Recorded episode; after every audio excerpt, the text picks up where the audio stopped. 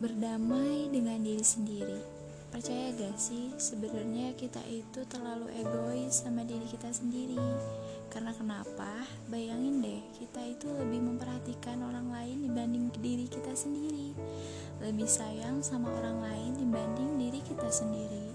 Dan yang paling parah itu, kita lebih mencintai orang lain dibanding diri kita sendiri. Kadang kita selalu berpikir, kok dia jago banget sih matematikanya dibanding kita. Aku bisa apa sih? Kok dia jago banget sih main musiknya dibanding kita? Aku bisa apa sih? Kok dia jago banget gambarnya? Aku bisa apa sih? Kok dia pinter banget mata kuliahnya sama pelajarannya? Sebenarnya aku bisa apa sih? Kayak aku nggak bisa apa-apa deh. Dasar lemah. Masa gitu aja nggak bisa? Ih kesel. Kenapa aku nggak bisa kayak mereka jadi mulai dari sekarang stop untuk melukai diri kita sendiri. Apa pun hasilnya, keadaannya itu tetap hasil kita. Baik buruknya, cobalah untuk mencintai diri sendiri. Kamu gak bisa seperti mereka, tapi cobalah untuk selalu berpikir positif dan mengetahui kelebihan kamu.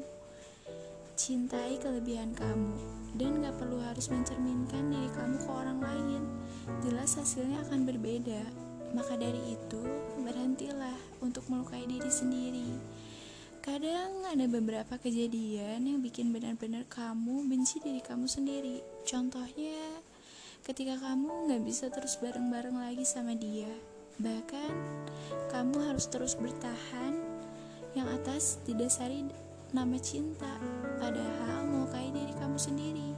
Kadang proses pendewasaan itu salah satunya adalah patah hati. Namun jangan sekali-kali kita melukai diri kita sendiri dengan terus-terus bersalah karena tidak bisa bahagia dengan dia. Teruntuk kita, percayalah, ada sebuah kejutan yang telah Tuhan siapkan bersama air mata yang menjadi saksi perihnya perjuangan. Akan datang terang dengan segala kemudahannya, maka dari itu berbahagialah jika hari ini kamu masih punya mimpi. Karena dengan itu kamu akan tahu ke mana dirimu akan berlabuh. Pergilah dengan bekal senyuman. Jika nanti di tengah jalan kamu lelah, maka bersandarlah. Ingat, ada orang yang harus kamu banggakan. Ia adalah ibu dan ayahmu.